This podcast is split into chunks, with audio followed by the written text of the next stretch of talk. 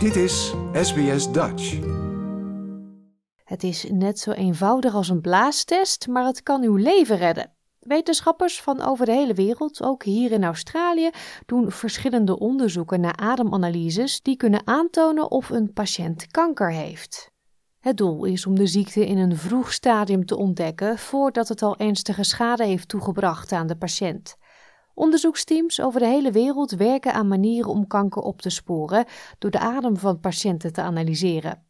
Het team van het Imperial College van de London University heeft een systeem ontwikkeld dat test op gastro-intestinale kankers. Dat zijn kankers in de maag of darmen. Patiënten blazen in een zak en hun adem wordt vervolgens door een sorbensbuis geleid. Dit soort buizen worden veel gebruikt in de industrie en laboratoria.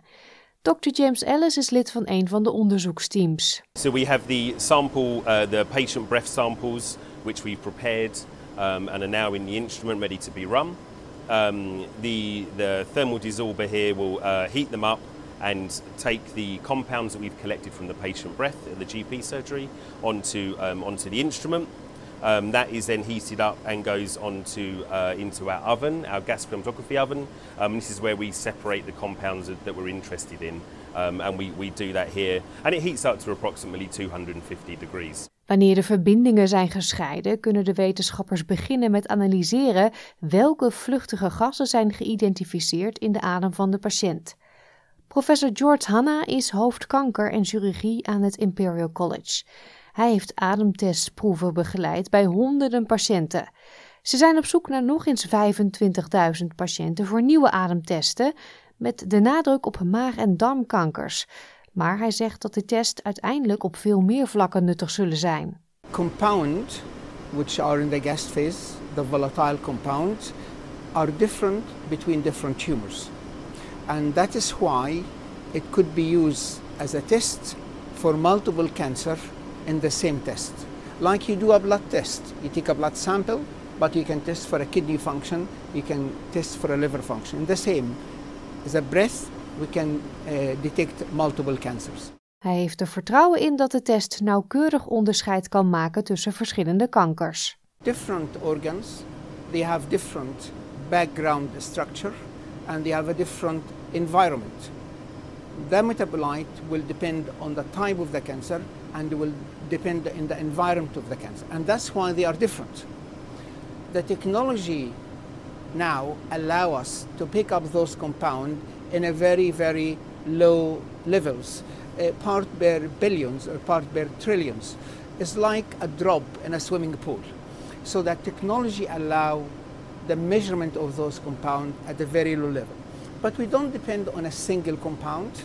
We depend on a panel of compounds for each cancer. In de Verenigde Staten leidt Dr. Michael Phillips een soortgelijk onderzoek bij Mensana Research in New Jersey, een project dat wordt gefinancierd door het Amerikaanse National Cancer Institute. Net als het Imperial College team gebruiken ze gaschromatografie om de adem van patiënten te analyseren, alleen zoeken zij naar tekenen van longkanker. Ze hebben een marker geïdentificeerd die ze MAGIC hebben genoemd, wat staat voor Mass Abnormalities in Gaseous Ions with Imaging Correlates. Ze ontdekten dat de MAGIC biomarker biopsiebevestigde longkanker voorspelde met een nauwkeurigheid van 84% Dr. Phillips zegt dat hoewel gaschromatografie erg modern is, het concept van het controleren van de adem van de patiënt zo oud is als de weg naar Rome. Hippocrates, back in ancient Greece, told his students to smell their patient's breath. Back in the 19th century, some people said they could smell typhoid or tuberculosis. Hier in Australië rapporteerden onderzoekers van de Flinders University in 2020 dat ze aanzienlijke vooruitgang hadden geboekt bij het ontwikkelen van een methode om ademprofielen te testen die hoofd-halskankergevallen nauwkeurig konden onderscheiden van niet-kankerpatiënten. Wereldwijd is hoofdhalskanker verantwoordelijk voor 6% van alle vormen van kanker. Jaarlijks overlijden meer dan 300.000 mensen over de hele wereld aan deze kankersoort, waarbij tabak, alcohol en een slechte mondhygiëne bekende risicofactoren zijn. In een gesprek met Channel 9 in 2020 zei hoofdonderzoeker Roger Jasbeck dat het doel is om de behandelingsresultaten en het ziektecijfer van de patiënt te verbeteren. We found that uh, patients with head and neck cancer have a unique gas profile compared to non-cancer patients. Met behulp van statische modellen konden de vlindersonderzoekers een ademtest ontwikkelen die onderscheid kon maken tussen patiënten met en zonder kanker, met een gemiddelde sensitiviteit en specificiteit van 85% Professor Hanna van Imperial College zegt dat de huidige praktijk vaak is om patiënten door te verwijzen voor verder onderzoek of om af te wachten tot de symptomen erger worden. Hij zegt dat de eerste methode de gezondheidszorg zou kunnen overweldigen en de tweede mogelijk fataal kan zijn. If we wait too much and the patient has an early cancer, then it become late cancer by the time the patient have very definitive symptoms. So really, where is the balance here? So what we think, rather than wait and see, do the test. If the test is positive, then the patient will be referred for investigation. If the test is negative, then we assure the patient. And if the symptoms returns, then we can uh, uh, test the patient again and refer.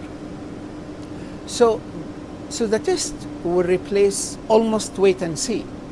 Zodra de verschillende onderzoeksprojecten over de hele wereld zijn voltooid, kan dit een letterlijk adembenemend verschil maken voor de diagnose van kanker. Dit was een verhaal geproduceerd door Ellen Lee voor SBS Nieuws en door SBS Dutch vertaald in het Nederlands. Like, deel, geef je reactie. Volg SBS Dutch op Facebook.